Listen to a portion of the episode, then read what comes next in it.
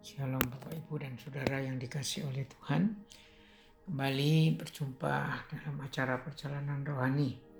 Saat ini adalah hari Jumat, tanggal 12 bulan Februari tahun 2021. Bacaan kita hari ini terambil dari Kolose 1 ayat 21 sampai 23 dan nats bacaan Alkitab nanti yang akan kita baca bersama-sama, kita perhatikan bersama-sama adalah dari Kolose 1 ayat 23. Mari kita buka Alkitab kita. Demikian bunyi firman Tuhan Kolose 1 ayat 23. Sebab itu kamu harus bertekun dalam iman, tetap teguh dan tidak bergoncang dan jangan mau digeser dari pengharapan Injil. Yang telah kamu dengar dan yang telah dikabarkan di seluruh alam di bawah langit. Dan aku ini Paulus telah menjadi pelayannya.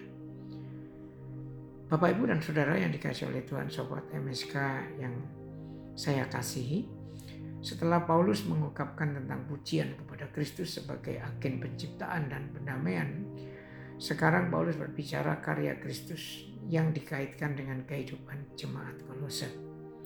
Pendamaian harus dilakukan karena munculnya permusuhan antara manusia berdosa dengan Allah yang suci.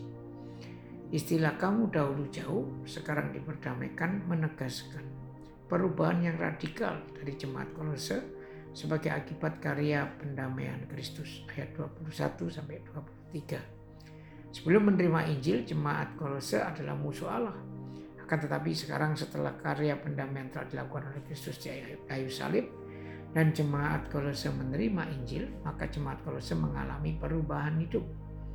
Paulus meminta agar mereka tetap hidup dalam pengharapannya kepada Injil. Oleh karena itu, kita yang percaya kepada Kristus patut bersyukur kepada Tuhan yang telah mendamaikan kita dengan Allah. Selain itu, marilah kita sebagai murid Kristus tetap beriman teguh kepada Kristus, karena tidak ada yang lebih baik dan lebih berharga selain kita memiliki dan dimiliki Kristus, Sang Juru Selamat yang mulia itu, sampai selama-lamanya. Kiranya Tuhan memberkati Bapak Ibu sekalian. Demikian renungan kita pada perjalanan rohani pada hari ini. Pertanyaan refleksinya adalah, sudahkah saudara percaya kepada karya pendamaian Kristus di atas kayu salib? Hal-hal apa saja yang sering kali membuat saudara sulit untuk juga bersyukur atas karya Kristus atas hidup saudara. Apa yang harus saudara lakukan?